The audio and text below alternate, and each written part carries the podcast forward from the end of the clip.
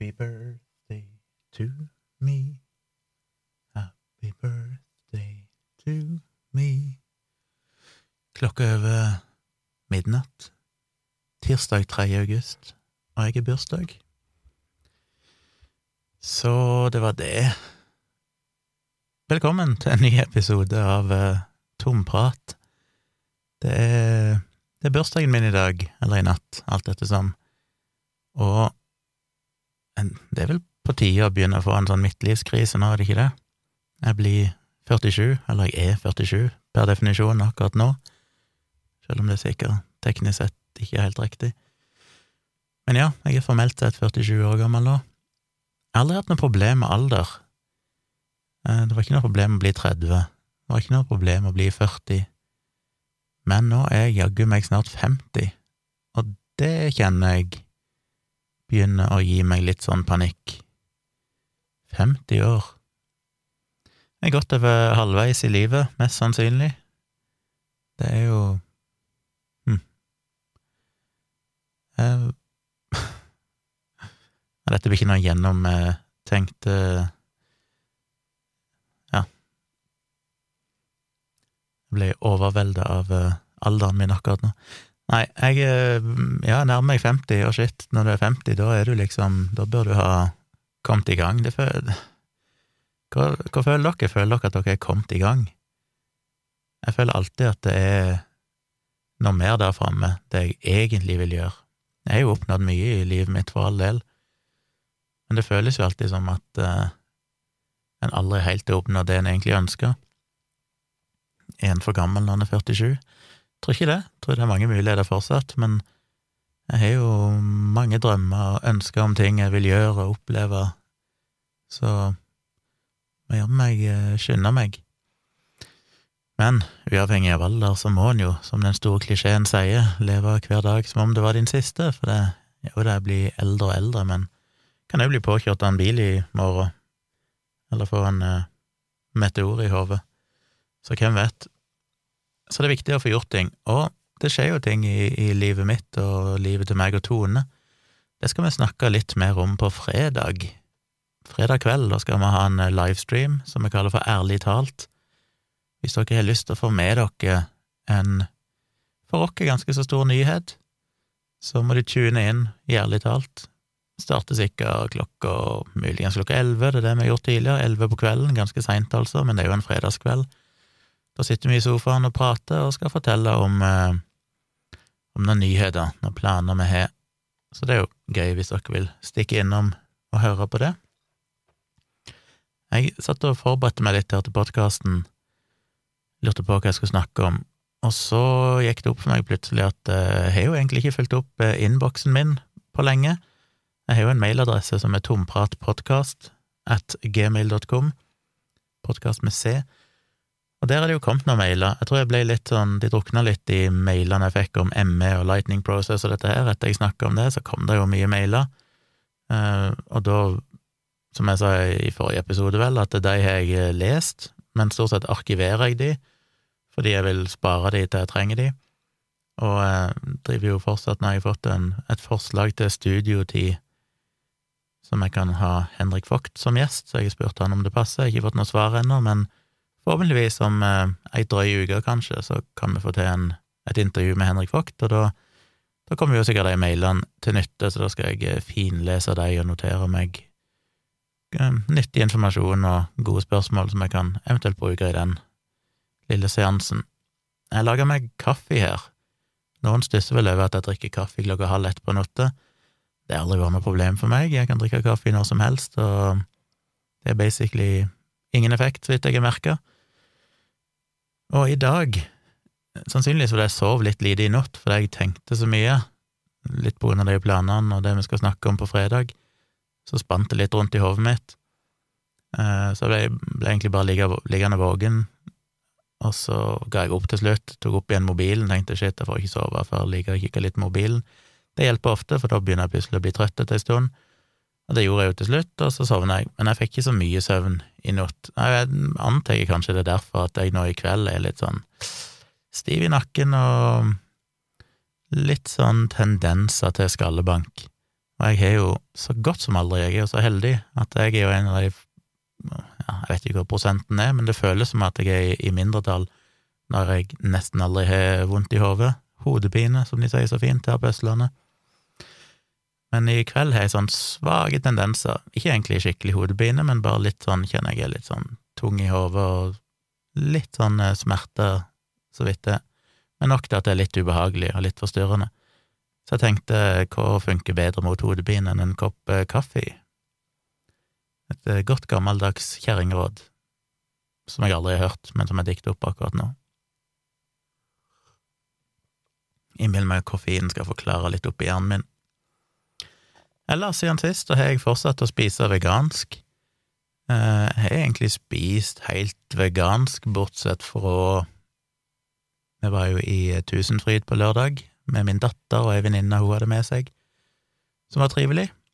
På fredagen var vi nede i byen og svansa litt rundt, det vil si de jentene gikk egentlig og shoppa sånn litt alene, mens meg og Tone gikk ned i Oslobukta og satt dere på et utested der som heter Kumi, er det det heter? Et eller annet sånt, som jeg synes er veldig trivelig, og de var altså jeg dobbeltsjekker navnet her, jeg må sjekke, for jeg sjekker jo inn med Swarm-appen. Det har jeg ikke vært, så da kan jeg se hvor jeg sjekker inn. Kumia. Kumi. En eller annen merkelig grunn så står det med adresse Enahaugen, men det er det jo definitivt ikke, det er jo helt nede bak operaen, rett nede ved sjøen der. Og der eh, var det så trivelig, for vi satt der, meg og Tone og en, eh, gammel kompis av meg fra Kristiansand, som tilfeldigvis var i byen, og drakk eh, kaffe. Tok vel faktisk en liten drink hver òg. Bestilte meg en espresso martini, som er en av mine sånn nyoppdaga deilige ting. Eh, akkurat den jeg fikk der, var jo ikke så god, men eh, allikevel, jeg elsker espresso martini. Så jeg satt meg der, og så var det ei servitrise, er det det det heter? Servitør, kvinnelig servitør, som eh, jobba der, og vi hadde jo med oss Kyla, og hun etter å ha liksom tatt ordren og alt mulig sånn, så kom hun tilbake igjen litt sånn sjenert, hun var veldig skjønn, litt sånn sjenert og spurte liksom om hun kunne få lov å hilse på hunden, for det. Hun hadde sjøl en terrier, men den var igjen, eh, hadde blitt igjen etter hun hadde flytta til Norge. Spurte meg hvor hun kom ifra, så kom hun fra Litauen, var det vel. Eh, hun skulle vel få hunden transportert til Norge etter hvert, men hun hadde bare kommet her for et par uker siden, eller sånn, hadde reist alene først, og hun savna hunden sin, så. Og hun var jo så trivelig, så vi ble jo primært Tone, da, prata litt med henne og sånn. Eh, og så bestilte vi en såkalla sommersalat, tror jeg de kalte den, som var en salat med noe sånn eh, ja, med jordbær i. En vanlig holdt på å si grønnsakssalat, men med jordbær, og så hadde han en slags Det var et eller annet eh, Hva var det? Mandelbasert, et eller annet nøttebasert eh, Ja, blenda greie som var litt sånn fuktig, og litt crunchy på en måte, som var blanda i salaten, helt sånn mørkebrunt. Og det er nok kanskje den beste salaten jeg noen gang har spist, og det syns Tone òg, hun bestilte det samme.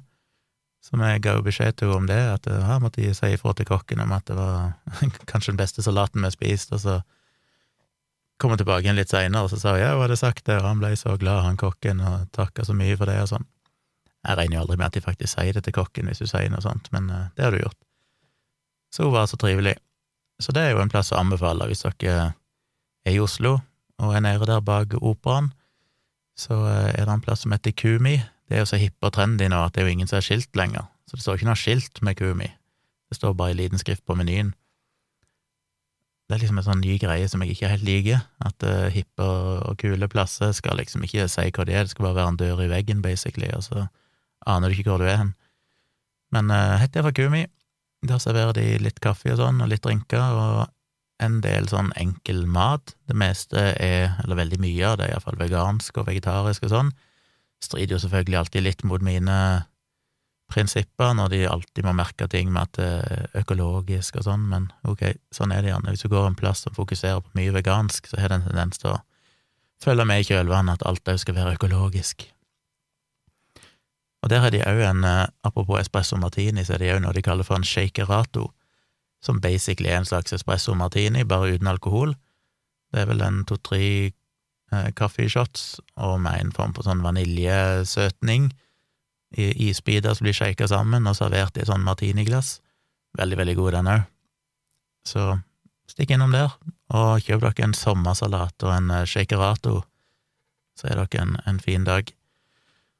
Ellers så eh, var jeg inne på Twitter tidligere i kveld, og så så jeg at en av de jeg følger på Twitter, en nordmann, hadde retweeta Amanda Knox, som hadde skrevet en lang, veldig, veldig lang, kanskje den lengste Twitter-tråden jeg noen gang har sett. Uh, vet du om dere husker hvem Amanda Knox er? Men det var jo hun som ble sikta og satt fengsla en stund for å ha drept venninna si, var det ikke det, i Italia? Det ble jo slått opp stort i media for mange år tilbake når dette skjedde. Hun var vel amerikansk, uh, var utvekslingsstudent eller et eller annet sånt i Italia. Så plutselig ble jo venninna hennes funnet eh, drept, og da ble vel hun, tror jeg, og en, en dude som bodde der, sikta for det, hvis jeg ikke husker feil, var vel hun som fikk mest presse. Sikkert mye fordi hun er jente, og veldig attraktiv. Det er klart, når du er ei pen amerikansk jente som plutselig blir sikta for et bestialsk mord, så, så, er det hun som får all oppmerksomheten.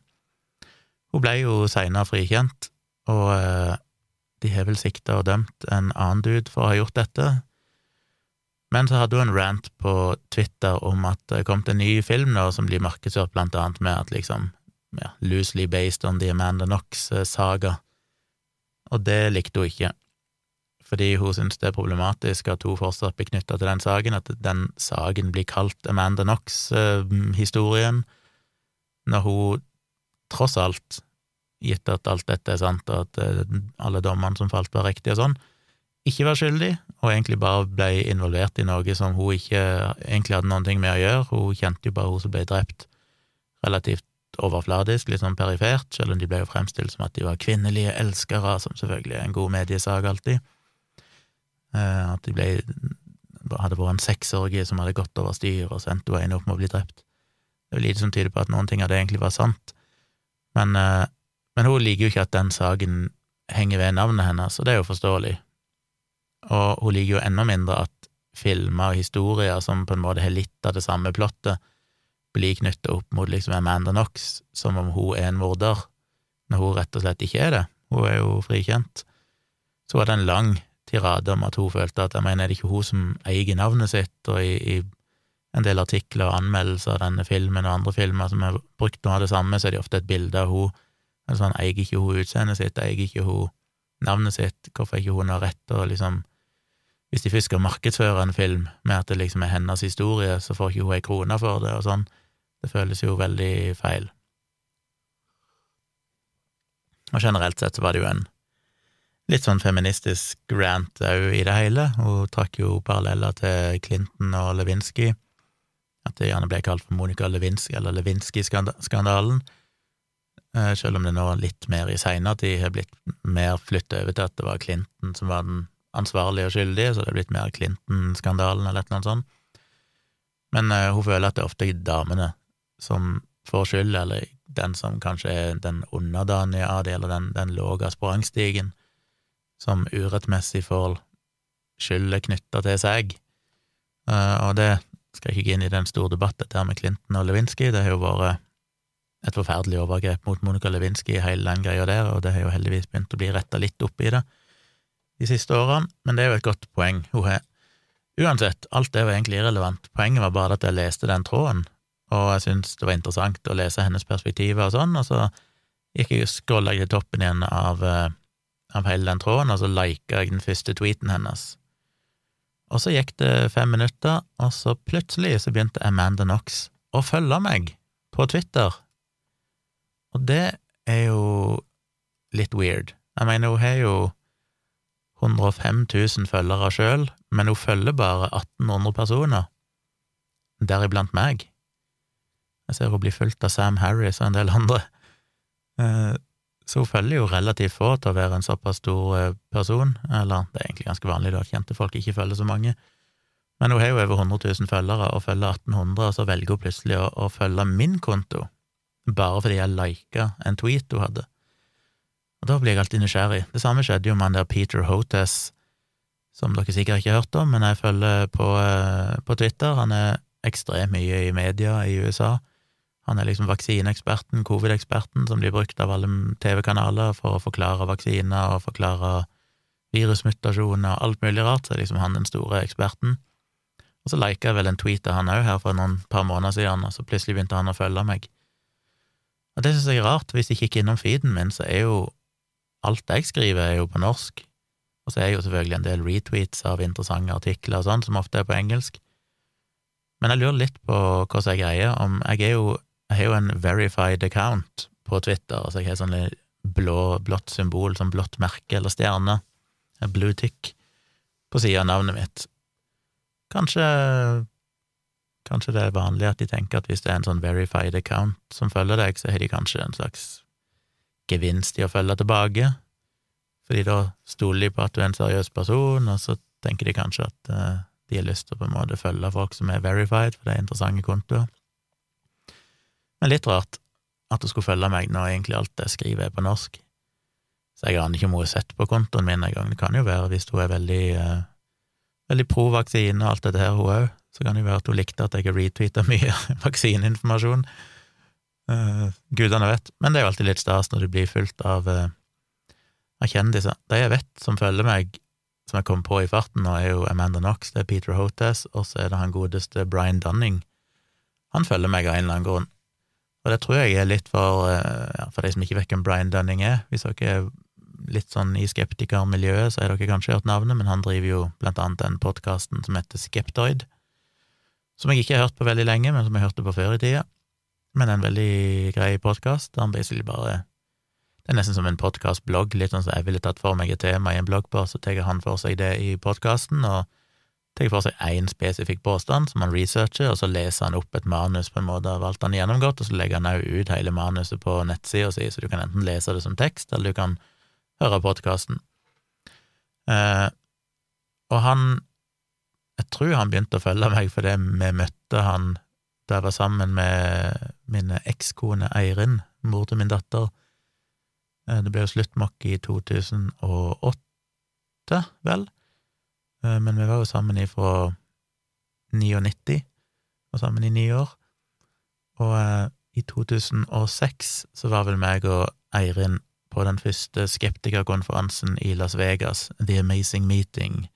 Så Det var første gang jeg var der på det, jeg har vært på det flere ganger siden, men da møtte jeg jo James Randy og mange av disse store heltene mine.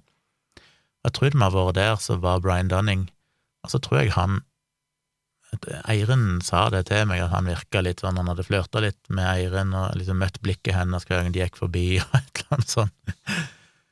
Og så hadde vel Jeg husker ikke helt hvordan dette fungerte, men et eller annet så ble de venner, eller jeg ble venn med han, og så hadde han en eller annen måte så han ble venner med Eirin òg på Facebook, hvis jeg ikke husker helt feil, og så begynte han å følge meg på Twitter, eh, for han skjønte vel at vi var sammen, et eller, annet, et eller annet sånn, litt sånn eh, litt sånn spesiell måte at han begynte å følge meg på, at han egentlig så ut til på en måte småflørte litt med, med ekskona mi, men, eh, men uh, hyggelig, det. Nå uh, følger han meg fortsatt, uh, ja, mange, mange år seinere. Så det er liksom de jeg kommer på som følger meg, og det må være, som sagt, være ganske uinteressant, siden jeg stort sett skriver på norsk, men, men det er jo greit. Så det var Amanda Knox. Satte på at ja, kanskje jeg skal begynne å, å tvitre morsomme ting med henne, se om jeg kan bli venn med henne.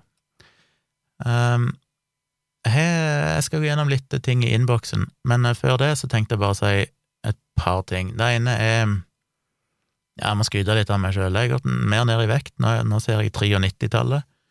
Det har gått fort, som sagt. Det er jo gått uh, ja, under tre uker omtrent. Så jeg har gått ifra 98,5 eller noe sånt til omtrent 93,5. Så det nærmer seg jo ja, 93,7 var det vel, mer spesifikt, men nærmer seg fem kilo på, på tre uker eller noe sånt. Så hvis jeg holder dette tempoet, så kan jeg jo være nede i mine, mitt mål, som er 90 kilo, i løpet av august.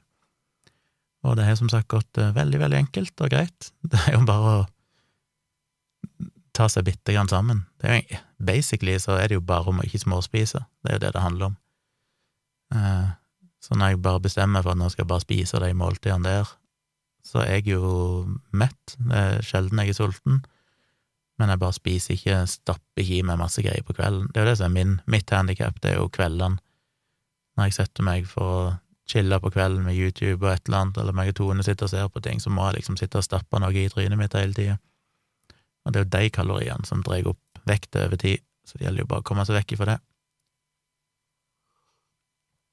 Altså, jeg er en jævel til å lage salat, må det sies. Det lærte jeg vel av min eh, forrige eks.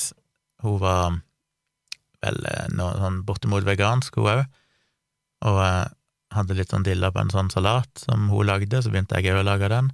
Nei, jeg begynte å jukse litt, og jeg kjøper gjerne en sånn råkostsalat, sånn ferdig, bare med gulrot og kålrot og hva det er for noe, kålrabi, hva det er for noe som er liksom strimla opp. Og så kjøper jeg en eller annen sånn vanlig blandingssalat ferdig, så jeg hiver først de to i en svær skål, men så kutter jeg opp sånne cherrytomater, og så gjerne sukkererter, stangselleri eh, Hva mer er det oppi? Ja, rød løk må jeg ha oppi. Um, ja, litt sånn forskjellige ting som jeg bare kapper oppi sånn ferskt og hiver oppi, og så skviser jeg en sitron over det. Det er det som er, clouet, det å skvise masse sitronsaft over salaten og mikse det godt inn. Normalt så pleier jeg òg å ha i en, en god olivenolje, men det har jeg ditcha nå, for det er så jækla mye kalorier i olivenolje. Eh, selv om det er sunt, selvfølgelig, å fyse litt olivenolje, men det bruker jeg òg når jeg steiker mat, så jeg får i meg litt olivenolje der. Så jeg trenger ikke å dynke salaten i det, så jeg har bare sitron på, og så har jeg salt og pepper. Så rett og slett bare lage en eh, salat med sitronsaft og salt og pepper er jo bare altså så godt. Så det kunne jeg ha spist dagen lang, problemet bare at det tar så jækla lang tid å lage det, og det forsvinner så fort. Du kan lage ei svær skål, men det varer ikke så veldig lenge, for den stapper jo i seg, og det fine er jo at det er jo praktisk talt ingen kalorier i det, og veldig, veldig sunt. Så ja, og du kan ikke lage for mye heller, for da blir det dårlig hvis det blir liggende, så du må liksom lage nok til at du kan ha det en dag, kanskje noen rester dagen etterpå, så holder det seg, men så begynner det å bli litt sånn daft. Men ja, vektnedgangen går etter planen foreløpig. Men det jeg skulle snakke om, var jo bare et par ting. Det var eh, media som har irritert meg i det siste, med måten de omtaler disse tilfellene der vaksinerte mennesker smittes. Og ja, jeg har snakka om dette tidligere, både i podkast og livestream, men jeg må bare minne folk på en gang til, for jeg merker sjøl at jeg blir påvirka av det. Du, det er lett å begynne å tenke sånn shit, dette går gale veien og sånn. Og så ser du jo selvfølgelig vaksinemotstandere som får blod på tann. Jeg har sett flere tweets med folk som, som snakker om det, liksom at ja, vi hadde rett hele tida, her ser dere, vaksinene virker ikke, det gir ikke immunitet. Hva i verden er poenget med å vaksinere seg når, når folk som er fullvaksinerte, likevel blir smitta? Og det er lett å forstå at folk kan tenke sånn, hvis ikke de egentlig setter seg inn i dette, men det media er altfor dårlig til å gjøre, er jo å forklare at ja, selvfølgelig er det noen fullvaksinerte som blir smitta, men det er så ufattelig mye færre enn det det hadde vært hvis ikke de var vaksinert. Og igjen så kommer vi inn på denne statistikken med at jo flere som er fullvaksinerte, jo større andel av de som er smitta, vil faktisk være, vil være fullvaksinerte. Men eh, det er fortsatt ekstremt mye færre enn det ville vært hvis ikke disse var vaksinerte.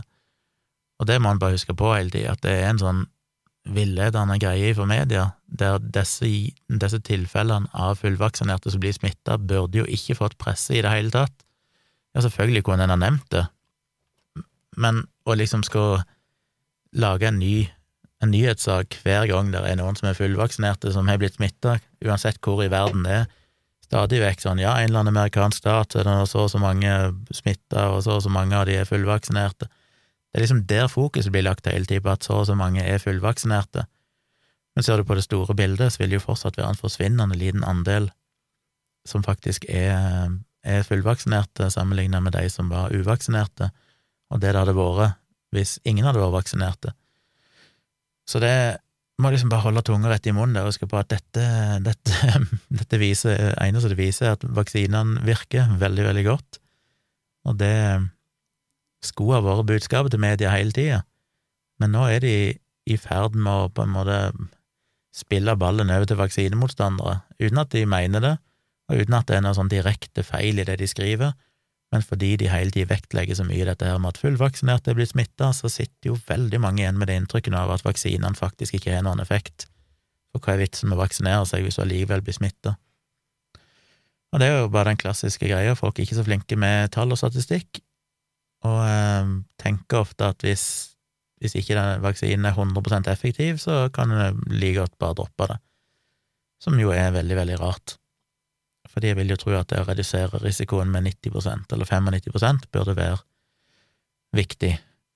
Men det, sånn fungerer ikke hjernen vår. Den er liksom null eller hundre eh, veldig ofte. Og i tillegg så er det jo viktig å huske på at de som er fullvaksinerte som blir smitta, i veldig sjelden grad blir alvorlig syke. Og heldigvis er det jo en del folk jeg følger på Twitter, av medisinske folk som er liksom ivrige på å påpeke dette hele tida, spesielt amerikanske, australske, engelske eksperter som liksom hele tiden må gå ut og hamre inn dette i, i Twitter, at når dere leser dette, så husk at det gjelder veldig få, og alle tilfellene de har sett, så godt som, så er det veldig mild sykdom. Så det er ikke noe tvil om at det å være fullvaksinert er en enorm fordel. Det andre var en eh, Twitter-tråd som jeg posta inne på mitt eh, nye forum, som heter kritisketenkere.no, der jeg jo vil at alle skal springe inn og registrere seg med en gang. Der posta jeg en, en Twitter-tråd, for jeg syntes det var viktig for andre å få med seg, der det var en, eh, en eh, dude som forklarte Eller adresserte den frykten vi har, som jeg har snakket om mange ganger i livestreamen og sånn, for det er jo et tema som kommer opp hele tida. Vil det komme en ny virusvariant, en mutasjon, som gjør at vaksinene ikke virker lenger, og da spesifikt mRNA-vaksinene. Og han forklarte at det er veldig, veldig Han måtte til og med skrive very, very to ganger, eller var det tre? Usannsynlig. Og så forklarer han hvorfor. Nå skal ikke jeg gå inn i de detaljene, dere kan gå inn på kritisketenkere.no, inn i vaksine Nei, det ligger vel under pandemiprat, som er kategorien, tror jeg, en av de og så finner dere den Twitter-tråden som er lenka til der. Men han forklarer det detaljert, med, med grafikk og lenke til artikler og sånn, som forklarer dette enda mer detaljert. Men kort sagt er det jo sånn at den immunresponsen som mRNA-vaksinene genererer, og sannsynligvis òg de andre adenovirusbaserte vaksinene, eller vektor virusvektorvaksiner, ikke det de heter, Eh, gjør sikkert òg det, men han, han, fokuserte vel primært på mRNA-vaksinene, det er jo de som er mest relevante, iallfall her i Norge. De ser ikke bare på ett Altså, de eh, blir jo på en måte trent, altså de, eller de trener immunforsvaret vårt til å angripe eh, piggproteinene, disse holdt på å si, falske piggproteinene som cellene våre produserer som en, et resultat av å få mRNA fra vaksinene inn i seg. Og de eh, immunforsvaret blir ikke bare trent til å på en måte gjenkjenne én bitte liten del eller ett protein, altså et uh, Hva heter det? Ja, e, signatur, holdt jeg på å si, på disse piggproteinene. De angriper mange forskjellige steder på piggproteinene som de kan gjenkjenne. Så det betyr at hvis et virus, hvis dette SARS-CoV-2-viruset skal mutere så mye at ikke lenger immunforsvaret vårt, etter vi er blitt vaksinert, og da liksom immunforsvaret er trent til å gjenkjenne disse piggproteinene, vil kunne kjenne det igjen, og dermed ikke angripe de, så må de samtidig endre seg så mye at det vil være veldig lite sannsynlig at de fortsatt vil fungere, at de vil da klare å binde seg til celleoverflata som de jo må, altså virusene må binde seg til celler, og så injisere eh, RNA-et sitt inn i, i cellen vår. Er det, det er RNA i de virusene, er ikke det? Jo, jeg tror det. Jeg er ikke noen ekspert på dette, det vet dere godt, men eh, sånne detaljer er jo litt sånn Sånne detaljer som er helt åpenbart til folk som har studert dette, det kan ikke jeg. men jeg kan mange andre ting som er mer sånn spesifikke knytta til vaksinen. Men iallfall. Og det er litt betryggende å høre. Eller veldig betryggende. Og det er, en, det er, jo en logikk i det, ikke sant, at hvis eh, så lenge det er veldig mye på det piggproteinet som må mutere, ikke bare én liten del, men mange deler, for å si det sånn, så vil du samtidig da endre det så mye at du sannsynligvis vil gjøre viruset mer eller mindre ubrukelig, at det ikke lenger vil kunne infisere oss. Selvfølgelig kan det skje, rent sånn statistisk er det ikke umulig at det skjer, men det er klart, jo flere endringer du gjør, jo flere punkter på det piggproteinet som immunforsvaret vårt kan kan målrettes mot, jo større sannsynlighet er det for at endringene blir så store at viruset blir ubrukelig, rent sånn statistisk sett. Så, så, det er viktig å huske på. Så han, han mente at det var god evidens eh, å vise til en del forskning og sånn for at det er veldig lite sannsynlig at vaksinene vil bli helt ubrukelige. Vi har jo sett at det er blitt eh, litt dårligere, fordi eh, delta-varianten ser ut til å smitte omtrent dobbelt så mye som den opprinnelige varianten. Så noe effekt er det. Effekten av vaksinene er kanskje en ja, litt varierende tall, men rundt 88 hvis du er fullvaksinert, mot eh, rundt 95% mot den originale virusvarianten. Så delta unnviker immunforsvaret vårt litt bedre, men det er snakk om noen få prosenter. Og det er ikke sånn at det nødvendigvis vil falle og falle og falle, for etter hvert som det faller, så har jo endringen blitt større, og ergo så kan jo viruset bli mer og mer ødelagt på et vis, altså mindre og mindre i stand til å binde seg til cellene våre sånn som det må. Så, eh, men hvis dere la, det var min eh, litt sånn forkvakla, sikkert veldig dårlige forklaring, jeg håper dere skjønte noe av det. Les gjerne den Twitter-tråden inne på kritisketenkere.no. Jeg driver fortsatt og jobber med podkastkurset mitt, så bare minn dere på det. Det kommer et podkastkurs etter hvert. Jeg begynte å sjekke litt rundt med folk jeg kan samarbeide med, og få livestreams med. Tanken er jo, jo mer jeg tenker på det, så ser jeg jo for meg at det blir ja, kanskje en sånn ukentlig livestream, litt som en sånn eh, forelesning, holdt jeg på å si. Muligens over en, ja, vi får se, over et visst antall uker, der det er et nytt kapittel, jeg kommer til å legge ved litt lenke, skrive litt, og så er det en eller annen sånn fast livestream dere kan joine, de som velger å melde seg på kurset, der en går gjennom forskjellige ting, blant annet redigering og litt sånn teknikk for å spille inn forskjellige typer mikrofoner, litt utstyr, intervju med folk i bransjen og sånne ting. Eh, så når han er ferdig med det kurset, så skal han eh, kunne alt du trenger for å kunne starte din egen podkast og publisere den, hvis du har lyst til det. Og det er spesielt relevant, kanskje, for det er jo mye bedrifter der ute som eh, har begynt å lage sine egne interne podkaster og sånn. Det er sikkert lærere som har lyst til å lære det, det kan være organisasjoner, alt mulig. Så hvis du er assosiert med noe sånt, og tenker at uh, dere enten driver med podkast, men trenger å lære mer, eller ikke har noen podkast, men kanskje kunne tenkt dere å starte opp med det, så sjekk gjerne ut, følg gjerne med, og sjekk ut det kurset når det kommer. Jeg fikk en mail her uh, rett før jeg skulle livestreame i kveld, ifra en som blant annet uh, hadde akkurat den ideen. Han jobber i et eller annet, en organisasjon og hadde lyst til å lære mer om podkast, og han var veldig interessert. Så send meg gjerne en mail på tompratpodkast.gmail.com hvis dere syns dette høres interessant ut. Det kan jo gjøres på andre måter òg, hvis dere eksempel er en uh, organisasjon eller bedrift som ønsker et uh, kurs bare for dere sjøl, så kan vi jo selvfølgelig avtale at jeg kjører et skikkelig kurs, enten hos dere eller via nettet eller et eller annet sånt, uh, altså sånn mer skreddersydd kurs akkurat for, for din bedrift eller din organisasjon eller en gruppe mennesker som ønsker å gjøre dette, så det er jo mulig, men da må dere i så fall maile meg, og så kan vi jo ta den dialogen. Og det samme kan jeg som sagt gjøre med, med videoredigering og YouTube og alt mulig sånn òg, hvis det er noen der ute som ønsker kurs i det. Eh, et sånn online-kurs med det kommer jeg ikke til å lage med en gang, for jeg starter med dette podkastkurset, men hvis dere har lyst på et kurs i, i hvordan du lager videoer, YouTube, eh, whatever, ta gjerne kontakt, så kan jeg fortsatt gjøre det i en mer skreddersydd versjon for eh, en bedrift, eller hva det måtte være. Så send meg mail hvis dere vil det. Jeg har fått noen mailer, og den første jeg tenkte å ta, og dette her er eh, Igjen så tar jeg det jo litt sånn eh, improvisert, fordi hvis jeg begynner å forberede og tenke for mye på det, så, så er det ofte Ja, det er like bedre den litt sånn uh, stream of consciousness-versjonen. Men jeg fikk en mail i fein, og det var en ganske lang mail, så jeg skal ikke lese opp alt men han eh, ville adressere det jeg snakket om i forrige episode, med denne, at NRK avpubliserte den episoden av eh, Hva den heter Nikolai Ram, er det han heter? Ja, han Ram, iallfall. Showet heter vel Japanese Ram Show, akkurat den episoden, eller det segmentet som ble fjerna. Og han mente at jeg bomma litt i diskusjonen, spesielt på to punkter, så la meg lese de to poengene hans.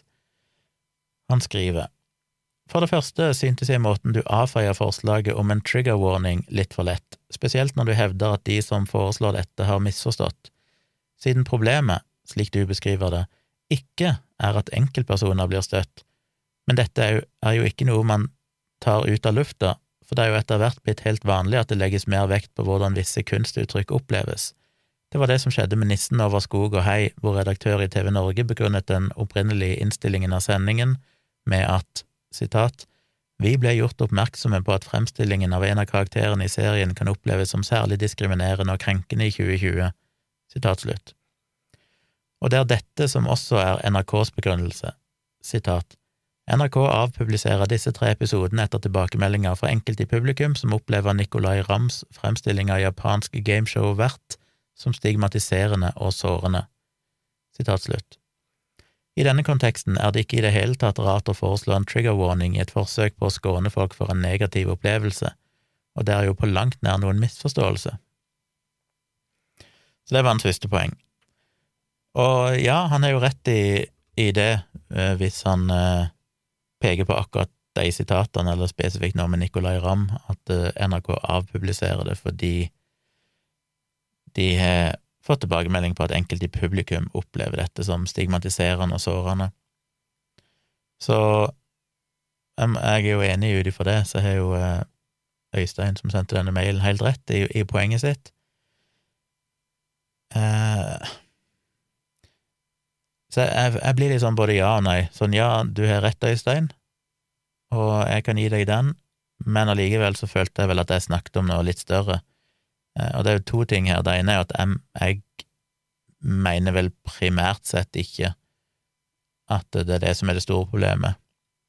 Uh, altså, jo, det er et problem, selvfølgelig, at det er folk som ser det og opplever å bli såra og, og ja, eh, syns det er stigmatiserende og sårende, men det gjør det jo bare fordi vi allerede lever i en kultur der de har levd et liv og opplevd den type latterliggjøring av sin kultur eller sin uh, etniske bakgrunn, sitt uh, Ja, hva skal du kalle det? Holdt på å si sitt folk, men det er jo ikke deres folk noe mer enn en det nordmenn er, siden de sannsynligvis er opp, oppvokst og bodd i Norge hele livet. Dere skjønner hva jeg mener. Så de, de henger jo på en måte uløselig sammen. Hadde ikke disse menneskene opplevd det noen gang, hadde ikke det vært en, en, en greie som var knytta til hundrevis av år, kanskje, med diskriminering og latterliggjøring, og at du som for eksempel asiatisk bakgrunn alltid har blitt litt latterliggjort, både på grunn av det kan være utseendet, det kan være måten du snakker på, det kan være navnet, det kan være mye forskjellig, så hadde vel neppe disse folkene reagert på at det ble vist en episode som nettopp lagde en slags humor ut av dette.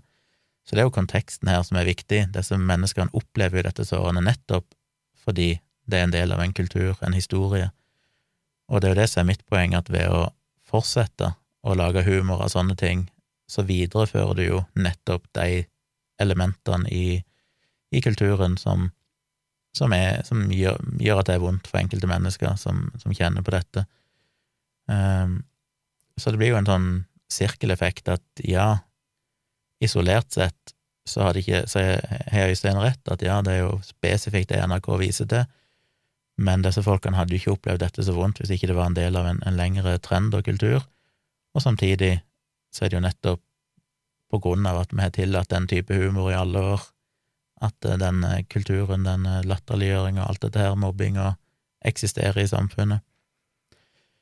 Samtidig så tenker jeg og dette blir jo bare spekulering fra min side, men det er klart, NRK, når de skal komme med en, en uh, redegjørelse for hvorfor de avpubliserer, så må jo de vise spesifikt til nettopp de klagene de har fått.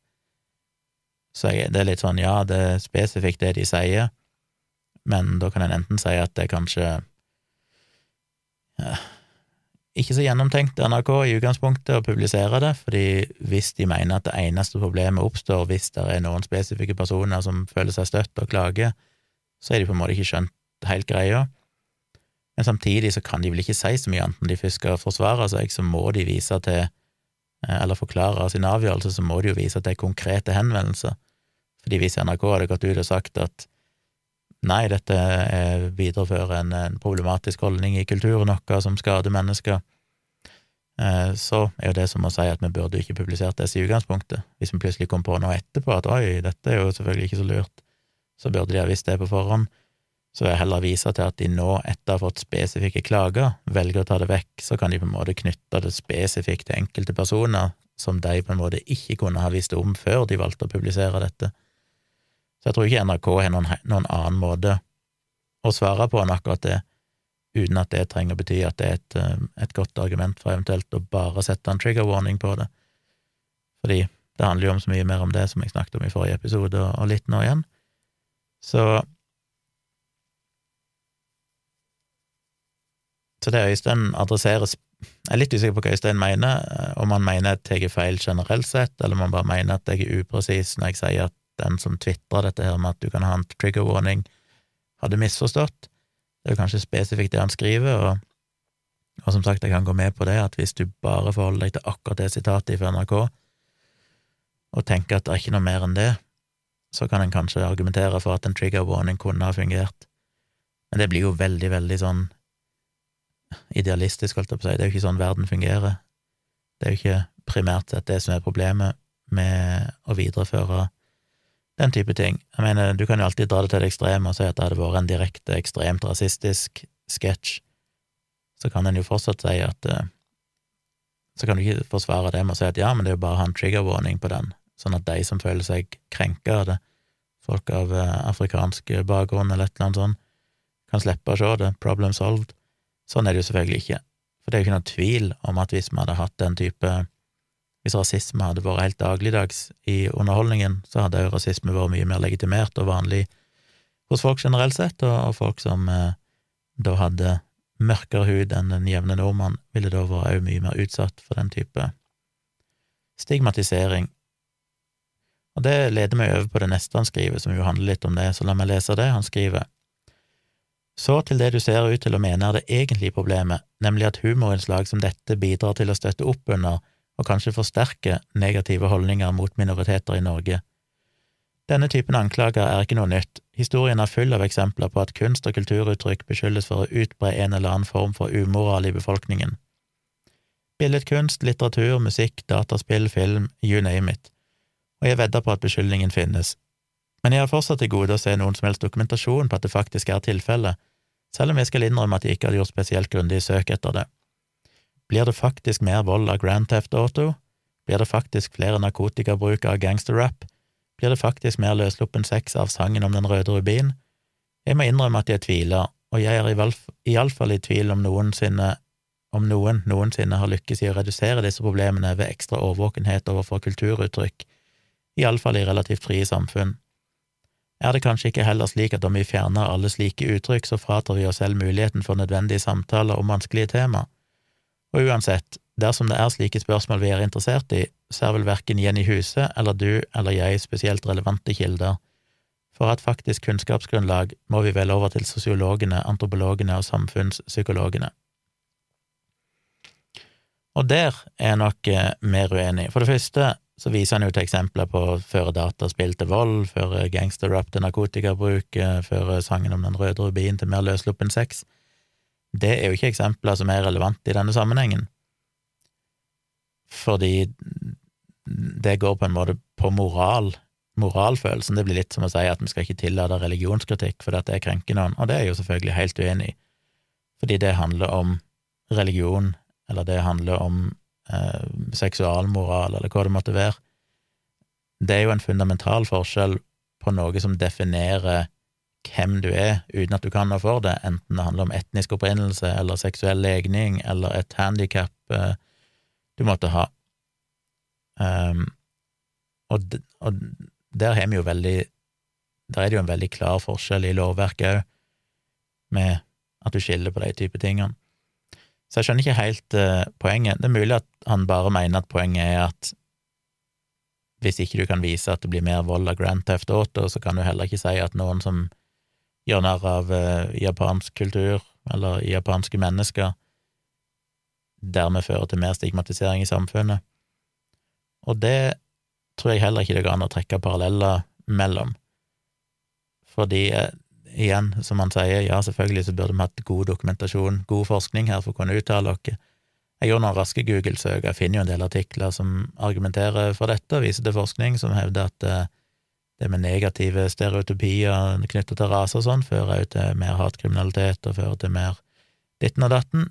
Det siste eksempelet vi har, er vel at det ble vel målt en ganske tydelig og klar oppgang i hatkriminalitet, altså ren vold, mot eh, etniske minoriteter i USA etter at Trump begynte å snakke om det, begynte å kalle meksikanere for kriminelle, for eksempel alle, alle meksikanere var voldtektsforbrytere, kriminelle og sånn. Så den type ting tyder jo på at måten du snakker på, påvirker holdningene til folk, legitimerer jo handlinger og holdninger.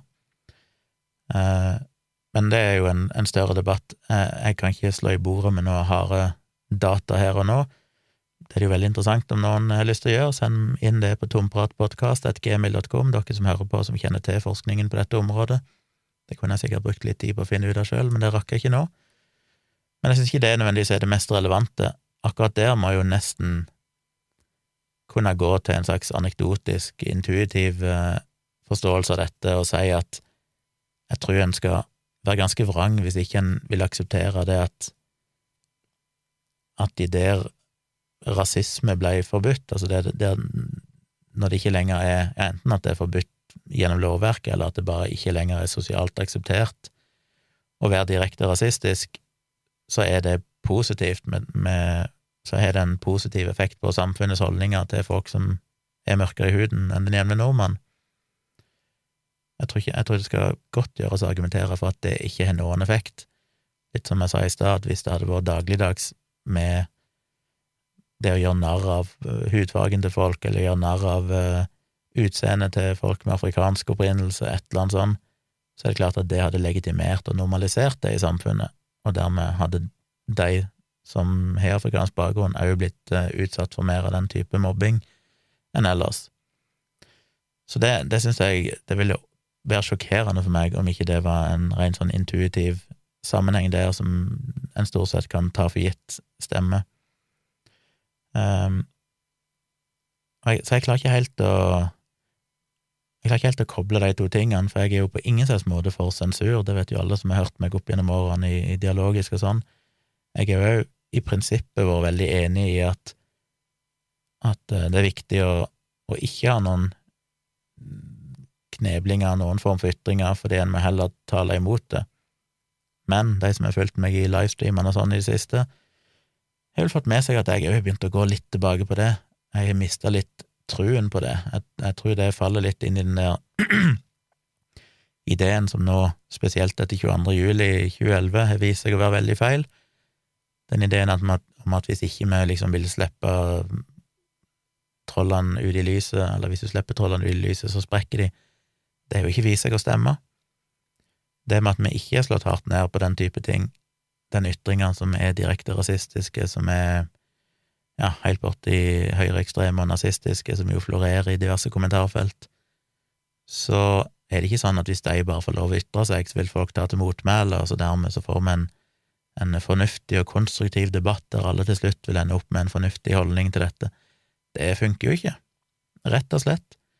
Så jeg har nok òg mista mer truen på menneskeheten det siste året, og tenkt at kanskje vi må rett og slett slå hardere ned på de tingene, for det ser jo faktisk ut til å fungere igjen med Trump. Altså, fram til Trump ble president, så var det jo hadde det jo vært en lang trend i USA ifra et veldig rasistisk samfunn til å bli mindre og mindre rasistisk i iallfall i måten folk oppførte seg på. Det kan en snakke om systematisk rasisme og sånn i mer eller mindre bevisst i samfunnet, men i utgangspunktet så hadde det en positiv effekt, og så ser en at Trump kommer og plutselig begynner å si ting som igjen da legitimerer den type holdninger, og så eksploderer det. Og det er det jo studier på som jeg vil snakke om i var det i Dialogisk eller seinere.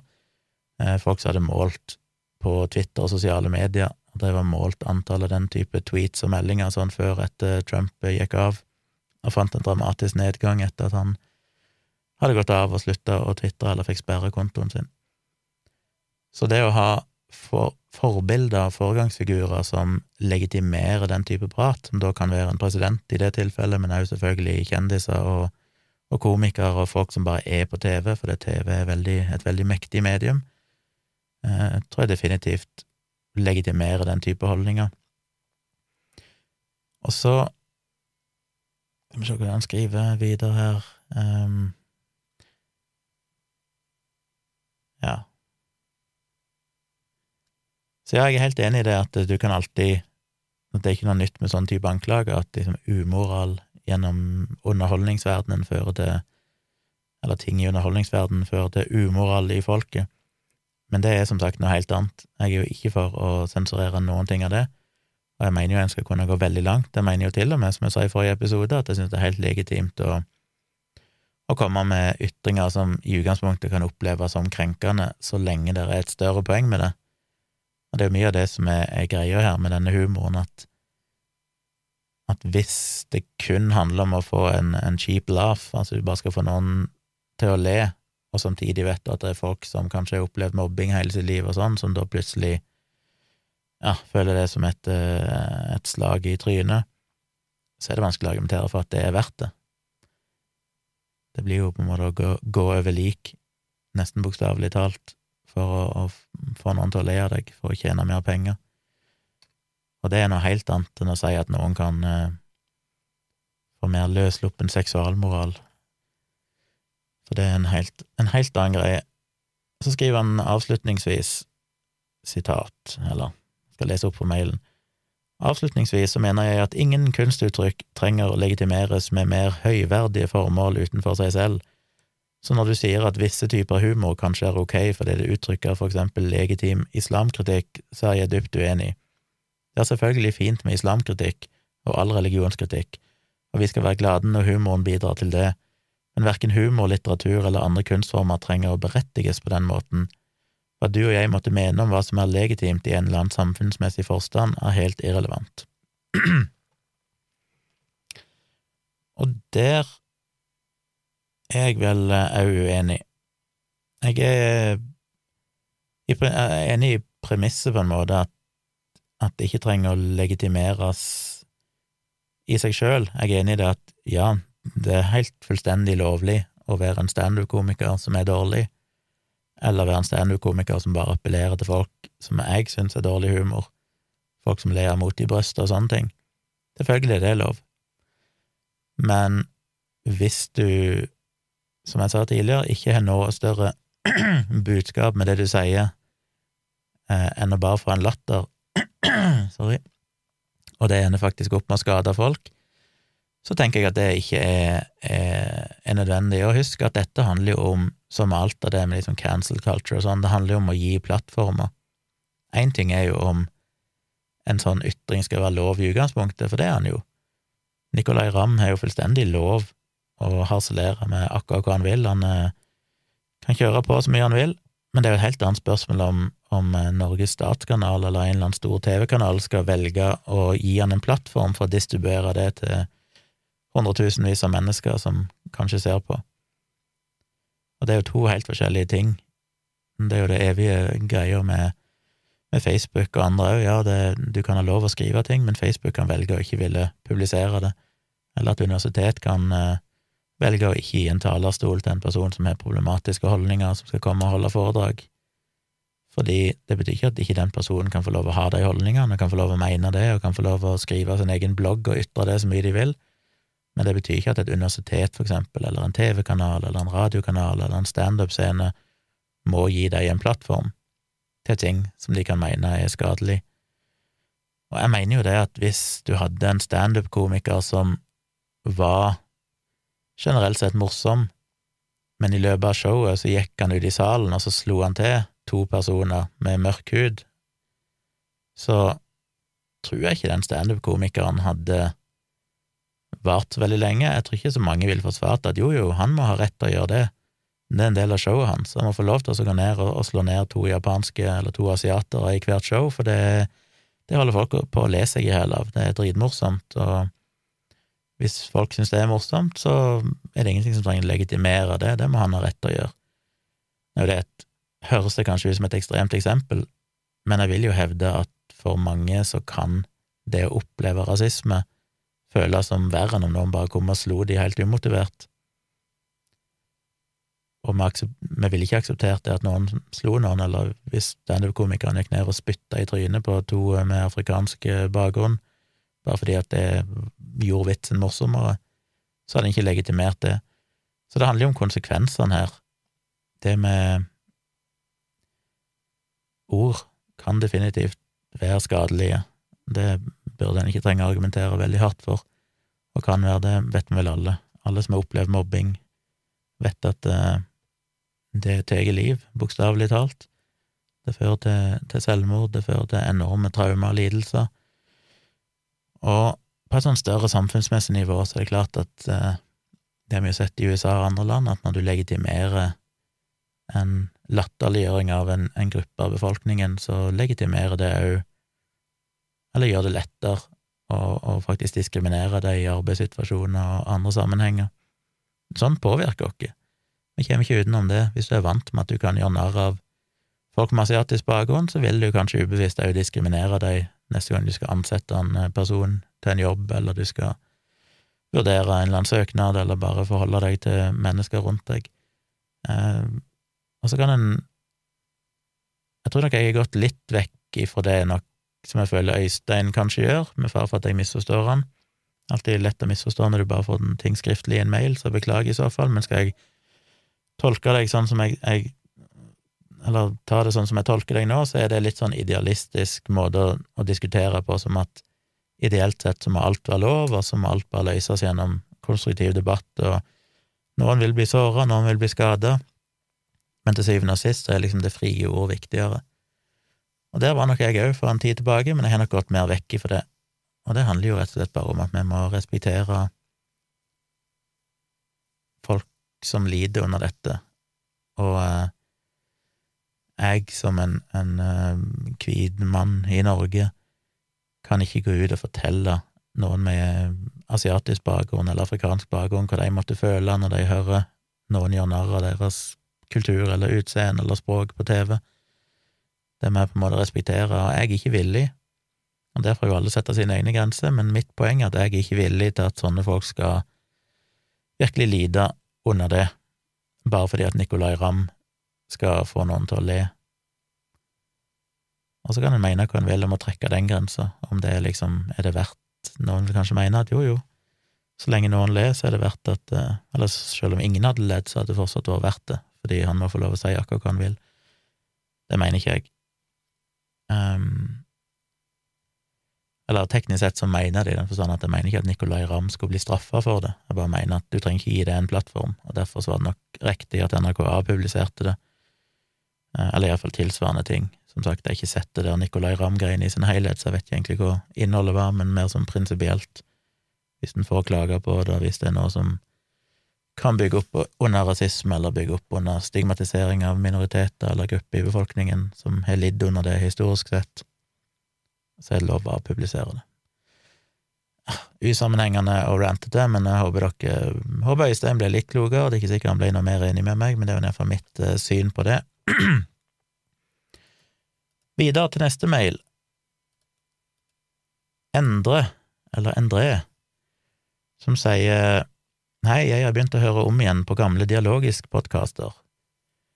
Og der må jeg jo bare skyte inn at jeg får jo meldinger om folk som gjør det, folk som har begynt å høre, høre de på nytt, det er jo imponerende. Veldig hyggelig. Uh, han skriver videre, i går hørte jeg podkasten nummer 28, du og Dag har en samtale med Marte Valle. Dere snakka blant annet om monsterretorikken til Sylvi Listhaug, politisk populisme og hvor fort vi glemmer. Denne kom ut 30. januar 2018. Helt mot slutten av podkasten sier du noe slikt som at ditt håp for fremtiden er at global oppvarming kommer til å fucke opp for fremtiden, og at vi trenger en pandemi slik at vi får fjernet en del av befolkningen og vi får det helt jævlig, men at vi til slutt vil se hva som er viktig i livet. Du har nok snakket om dette tidligere, men hva tenker du nå når vi har vært i en pandemi i ganske lang tid? Jeg tror at du i en tidligere livestream eller podkast sa noe slikt som at denne pandemien blir en slags test for samfunnet og verden, siden viruset smitter relativt lite og dødeligheten er relativt lav.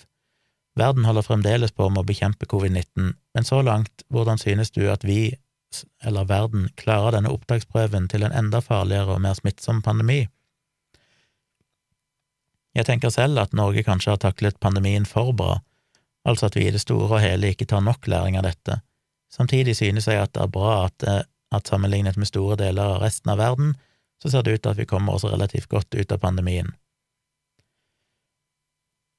Ja. Um, ja, jeg har jo snakka litt om det, eh, for å ta den eh, gamle dialogiske episoden. Det høres jo brutalt ut, måten jeg blir sitert på der. Det var selvfølgelig litt flåsete sagt, satt på spissen humoristisk, men poenget mitt var jo bare det at Av og til så blir en litt sånn oppgitt over verden, det ser jo ikke ut til at vi lærer. Vi klarer ikke å reagere fort nok, verken på klimaendringer eller pandemi eller noen ting. Og eh, på et eller annet tidspunkt så føles det jo som at shit, vi trenger kanskje en skikkelig katastrofe for å virkelig finne ut hva som er viktigere i verden, og virkelig skjønne at eh, vi kan ikke bare ta det livet vi har, og den luksusen vi har, for gitt. Og så gikk det jo litt troll i jord da, når det da, et år, nei, to år seinere, kom en faktisk pandemi.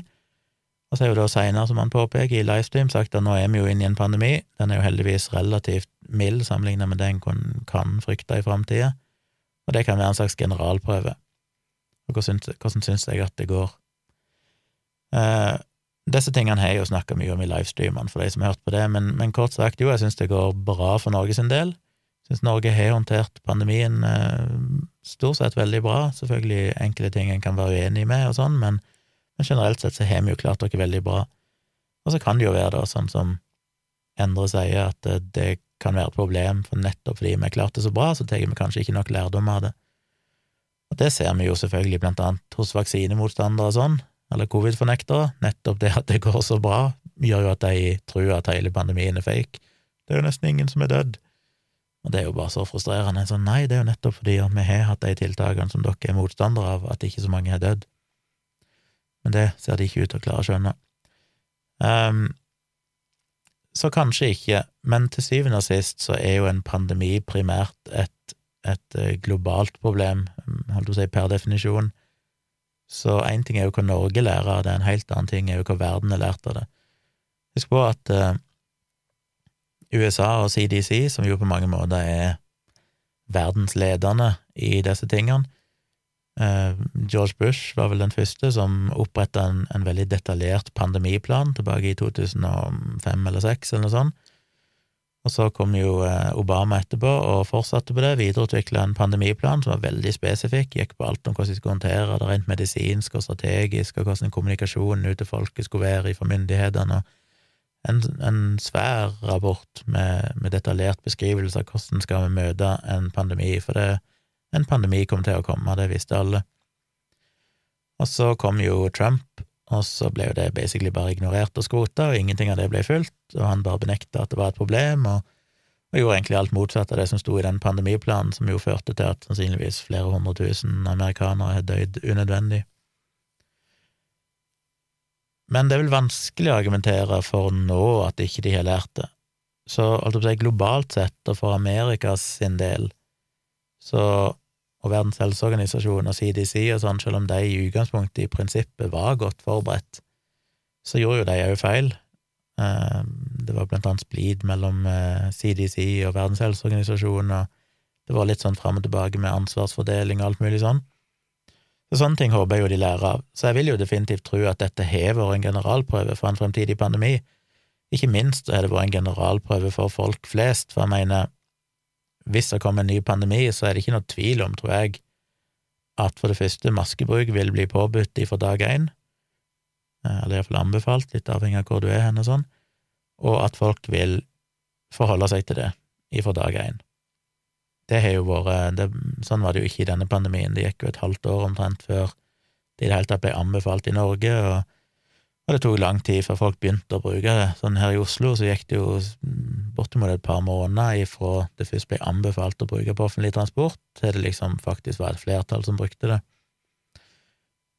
Så sånne ting tror jeg er bra. Jeg tror nok at vi vil reagere mye fortere som folk, gitt at det ikke tar for lang tid, da. Går det 20 år til neste pandemi, så er nok det løpet kjørt, men kommer det en ny pandemi i løpet av de neste ti årene, så tror jeg fortsatt vi alle husker at eh, oi, munnbind, ja, det er jeg vant med, det kjører jeg på med.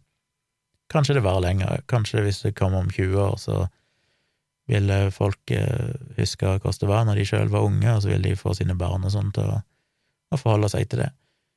Så eh, jeg tror vi har lært en del av det, jeg tror myndighetene har lært en del. Og så er jeg litt spent på, som jeg snakker om i livestream, dette her med hvor langt skal vi tillate desinformasjon? Igjen det er litt relevant til det der Nicolay Ramm og sånn, og ytringsfrihet og alt mulig sånn, men, men hvor mye av den type informasjon skal vi tillate?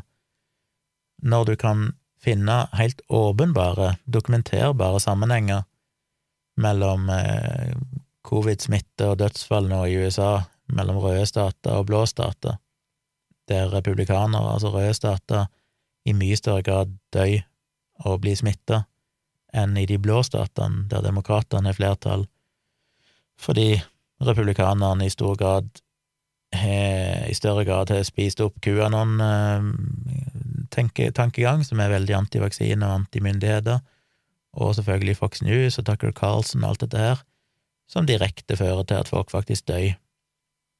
Så det, det blir nok et spørsmål en må stille seg i framtida. Skal vi dra ytringsfriheten så langt at det skal være lov å sitte på TV, sånn som Tucker Carlson gjør, og sånn, og si at vaksinene er farlige, eller at pandemien basically er en hoax, omtrent, og dermed påviselig, uten tvil, dokumenterbart, fører til at tusenvis av mennesker dør fordi de faktisk tror på dette. Det syns jo jeg er veldig rart. Vi har jo den klassiske greia med at ytringsfrihet skal være absolutt, men hvis det bryter ut brann i en teatersal, og du roper Nei, hvis, ikke, hvis noen roper at det bryter ut brann, eller roper brann i en fullpakka teatersal, sånn at folk får panikk og ender opp med å trampe hverandre ned og drepe hverandre, så er ikke det en ytring som er beskytta, fordi du har dette clear and present danger-prinsippet. Hvis du utsetter noen for en direkte og umiddelbar fare ved det du sier, så, så kan det være en straffbar ytring. Og det er det jo når folk driver og sprer vaksine, antivaksinepropaganda og sånn, sprer rene løgner om eh, covid-vaksiner, som fører til at en betydelig andel av befolkningen rundt om i verden ikke vil bli vaksinert, og som fører til at de dør. Direkte, utvilsom sammenheng. Og inntil videre så har det vært lovlig, vi har sagt at det må være lovlig i den frie debatt, men det, det tror jeg nok er litt fordi at vi historisk sett ikke har klart å trekke de koblingene så tydelig som vi gjør nå. Det var mer sett på som at ja, ja, noen, noen tror på det, og noen tror på det, men, men, det er ikke så farlig. Men det er farlig, og jeg heller nok imot at den type ytringer kanskje må vurderes og straffes på samme grunnlag som terrorytringer eller hatytringer, eller terrorplanlegging eller hatytringer, at det er ting som er en direkte oppfordring til noe som gjør at folk dør. Eh, litt som hvis du oppfordrer noen til å ta livet sitt, eller manipulerer noen til å ta livet sitt, så er du medskyldig i mord. Det er jo på mange måter det som skjer når du manipulerer noen til å ikke vaksinere seg gjennom ren desinformasjon. Så det er jo noe jeg tror vi lærer av at vi ser at her er det direkte koblinger mellom ytringer og faktiske dødsfall, og det er i en relativt sett mild pandemi.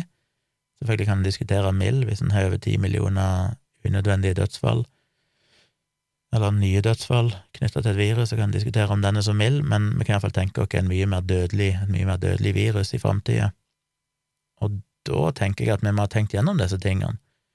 For kommer det et virus med en, en 2% eller 5% dødelighet i de fleste aldersgrupper, så vil det jo føre til millioner av dødsfall hvis folk får lov å si at de ikke tar denne vaksinen, hvis de da har en vaksine som er bortimot 100% effektiv, sånn som nå. Og det blir litt for seint hvis vi da skal begynne å diskutere dette sånn to år ut i pandemien, om dette egentlig burde vært lov, når det da kanskje er døyd millioner av mennesker på grunn av antivaksinepropaganda.